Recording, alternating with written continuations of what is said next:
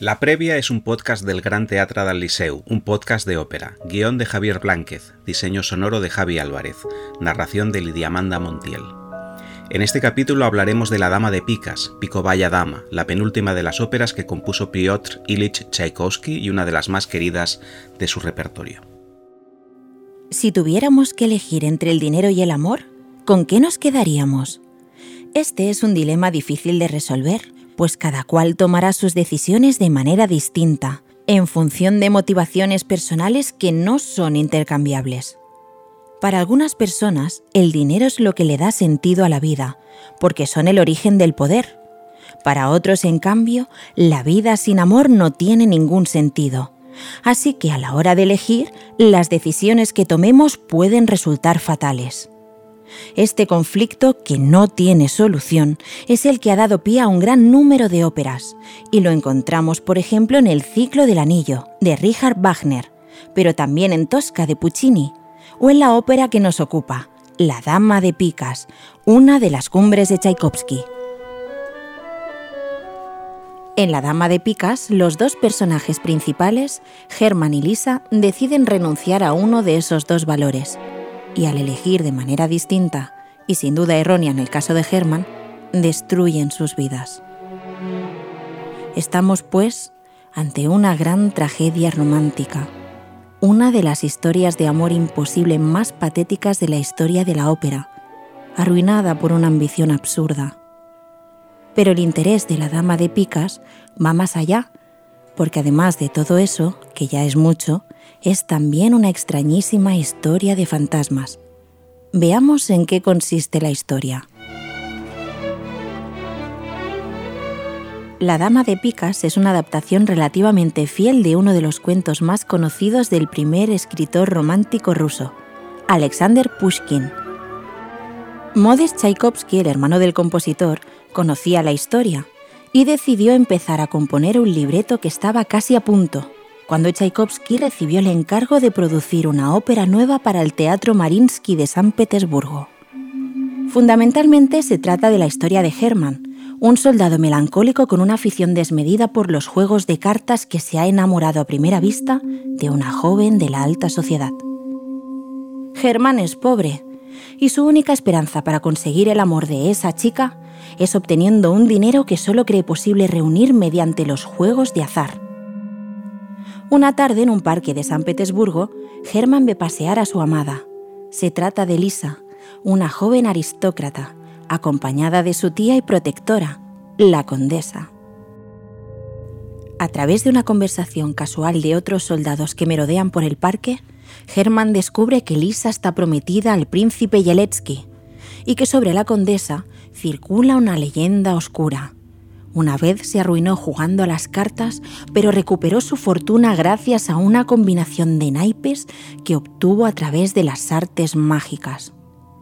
Esa combinación solo se puede usar una vez en la vida, y quien transmite el secreto a otra persona muere.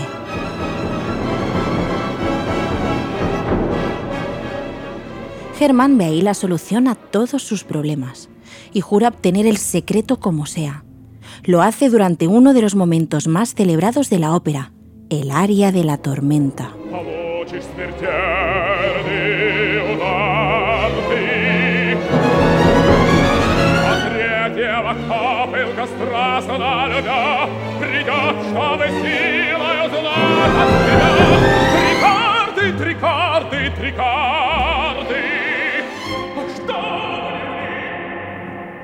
En la segunda escena, Lisa y Herman se encuentran por fin.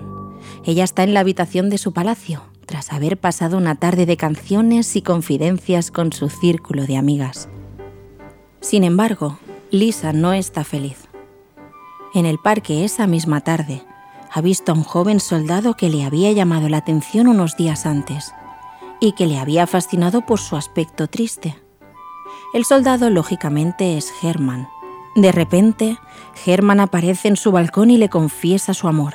Se trata de una interrupción demasiado precipitada y teatral, pero que sirve para acelerar el ritmo de la ópera. Lisa le muestra también su debilidad y el conflicto amoroso ya aparece totalmente perfilado.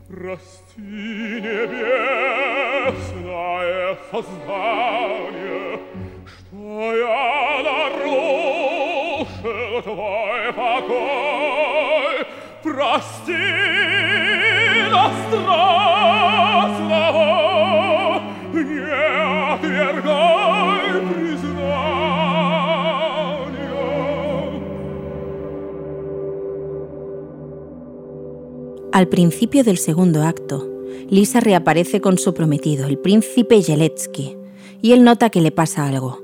Su rostro está pálido y su ánimo ha decaído. Yeletsky le dedica una bella aria de amor, pero no tendrá efecto en Lisa, que ya está perdidamente enamorada de Herman.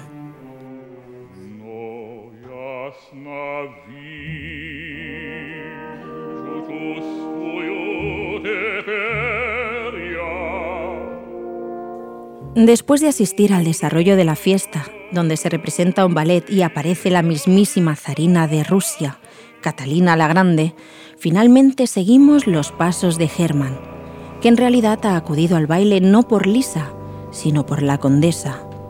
Irrumpe en sus aposentos y cuando se queda a solas con ella le pide que le revele el secreto de las cartas. La condesa se niega y él saca una pistola. Del susto, la condesa muere al momento.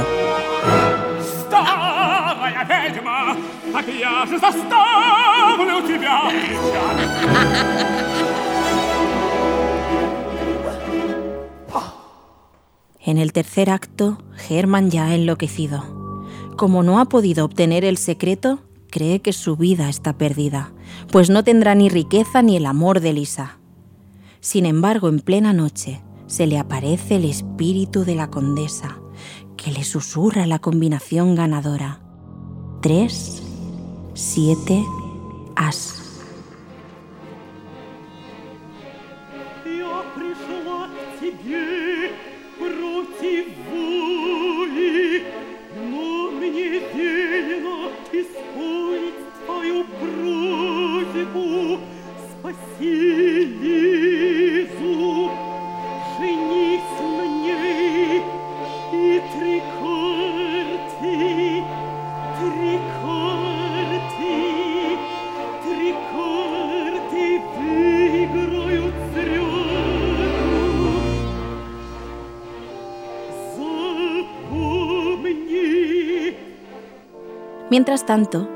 Lisa espera a Herman al borde de un canal de San Petersburgo. Siente que él ha enloquecido y que lo ha perdido para siempre. Cuando aparece Herman, él solo habla de las cartas e ignora a Lisa. Ella, desesperada, se suicida arrojándose al agua.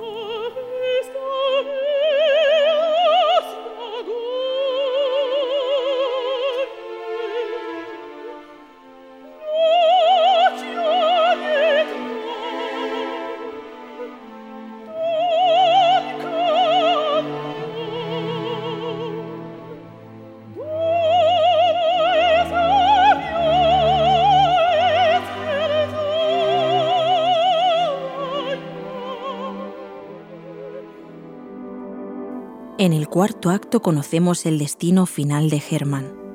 No sabe que Lisa ha muerto y se dirige a una taberna de soldados para poner en práctica el secreto de las cartas.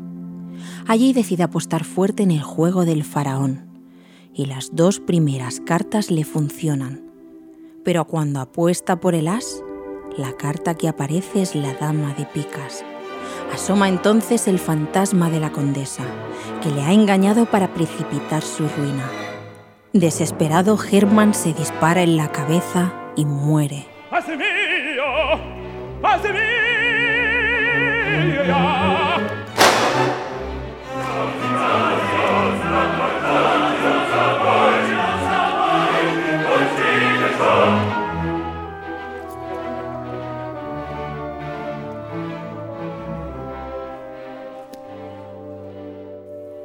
Cuando conocemos el final de la obra, comprendemos que tanto Herman como Lisa han elegido mal.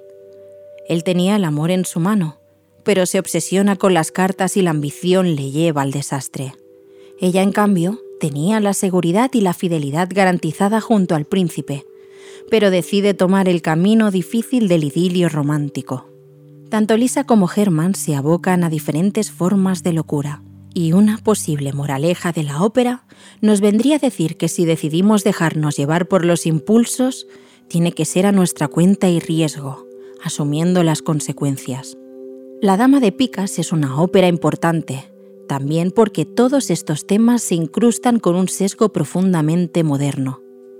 El estreno fue en 1890, en un momento en el que las tendencias dominantes en la ópera estaban repartidas entre la influencia extendida de Wagner y la crudeza del verismo italiano.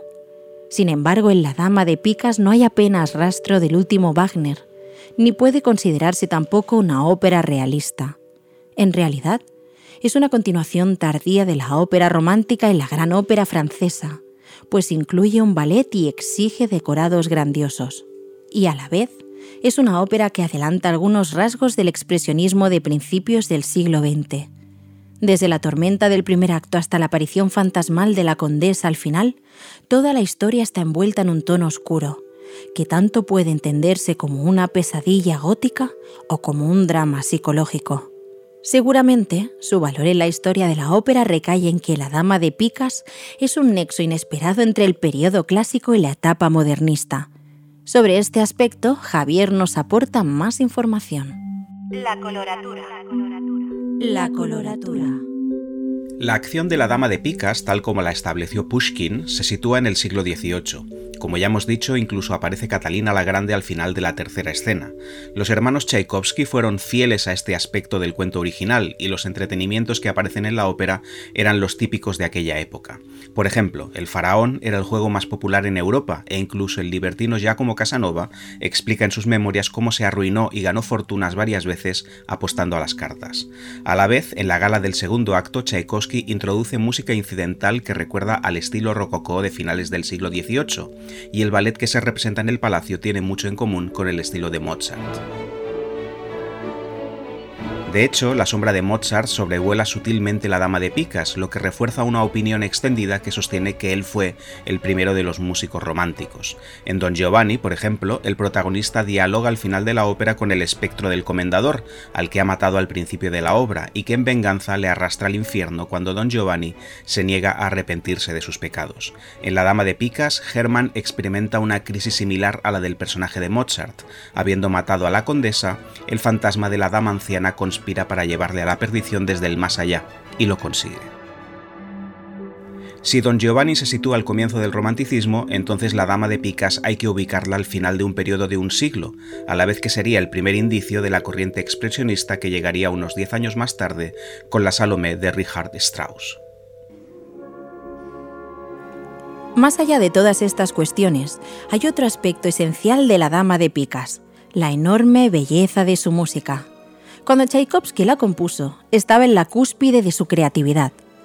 Como compositor de óperas, además, se había desplazado de la contención de su primer acercamiento a Pushkin, Evgeny Onegin, y dominaba el lenguaje sinfónico, grandioso, que se manifiesta en fragmentos como el aria de la tormenta o la densidad orquestal de la última escena. Musicalmente es una ópera muy completa, fácil de escuchar y a la vez de una gran complejidad interna y además contiene un bombón envenenado, que es el papel de Hermann, uno de los más exigentes para cualquier tenor. Hermann aparece en las siete escenas de la ópera. Su presencia en el escenario es casi constante y canta sin apenas descansos. Son casi tres horas de alto rendimiento y varios dos de pecho. Lo que tendremos dos tenores de altura, el azarí Jussi Feibasov y el brasileño Martin Miule, ambos especializados en papeles dramáticos, habituados a esfuerzos colosales en óperas como Pagliacci o Caballería Rusticana, y que son un seguro de vida a la hora de encarnar al héroe trágico de la Dama de Picas. En el papel del príncipe Yeletsky tendremos a dos barítonos con oficio, Rodion Pokosov y Andrei Chilikovsky, y una de las estrellas favoritas del liceo en el rol crucial de Lisa, la soprano norteamericana Sondra Rabanovsky, que alternará el papel con Liana Jarotunian. Una de las curiosidades de la Dama de Picas es que suele ser también el último papel de muchas sopranos o mezzosopranos históricas, pues la condesa requiere una voz gastada, pero aún bella. Dos cantantes míticas afrontarán esta tarea, Elena Zaremba y Larisa Diatkova, esta última una voz bien conocida por el público del Liceo y que ha interpretado en el teatro papeles tan delicados como el de Amneris en La Aida de Verdi. La producción que veremos es la ya histórica de Gilbert de Flo, que se podrá ver por tercera vez en el Liceo y cuya primera representación fue en 1992, antes del triste incendio de dos años después. Se trata de una aproximación grandiosa, detallista y fiel al espíritu de la obra. O dicho de otra manera, es una producción a la manera clásica, con decorados pintados, alejada de las lecturas atrevidas de muchos directores de escena posmodernos.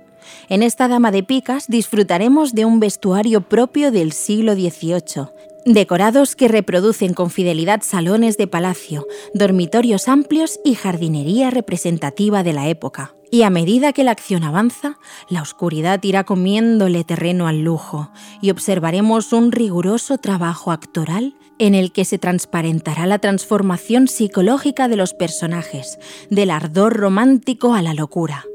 Y es que, no lo olvidemos, la Dama de Picas es, en el fondo, una magnífica historia de fantasmas que hace temblar de emoción, pero también de miedo. Y hasta aquí la previa de La Dama de Picas, un podcast que pretende complementar y enriquecer las óperas del Liceo, producido por 93 metros y con la participación del Gran Teatro del Liceo.